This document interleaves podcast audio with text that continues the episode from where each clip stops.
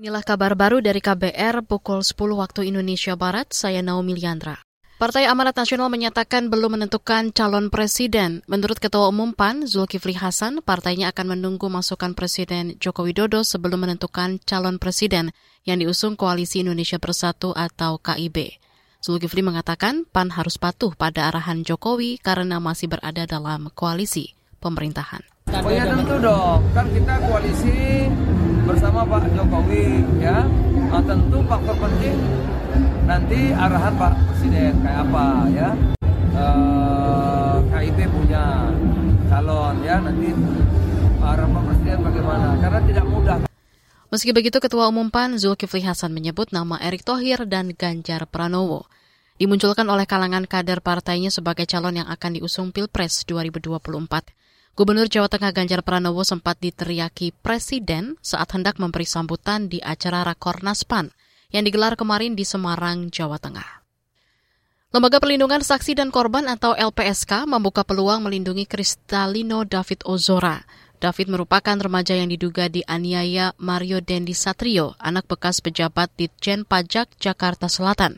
Ketua LPSK Hasto Atmojo mengatakan perlindungan yang diberikan dapat berupa rehabilitasi medis hingga tuntutan ganti rugi kepada pelaku. Eh, syarat formal maupun syarat material yang harus dipenuhi oleh eh, korban maupun keluarga korban dan itu bisa diwakili oleh pengacaranya dari LBH Ansor agar itu segera dikirimkan supaya kami segera bisa memproses melakukan investigasi dan juga asesmen kira-kira kebutuhannya apa saja ini dari korban saudara David ini. Ketua LPSK Hasto Atmojo mengatakan LBH GP Ansor juga mendatangi LPSK untuk pemenuhan hak-hak korban sekaligus perlindungan karena terduga pelaku merupakan anak dari bekas pejabat di Kementerian Keuangan. Juru bicara Polres Metro Jakarta Selatan, Nurma Dewi juga hari ini menjelaskan dua perempuan yang turut diperiksa dalam kasus penganiayaan Mario Dendi Satrio terhadap Kristalino David Ozora masih berstatus saksi. Sedangkan dua tersangka yaitu Mario dan rekannya Shane Lucas Lumban Torwan. Kita beralih ke berita olahraga. Manchester United meraih gelar pertama sejak 2017 sesudah menjuarai Piala Liga Inggris atau Carabao 2022-2023. Setan Merah mengalahkan Newcastle United 2-0 di partai final yang berlangsung di Stadion Wembley Senin dini hari. Gol pertama MU dicetak oleh Casemiro, disusul gol bunuh diri back Newcastle United Sven Botman.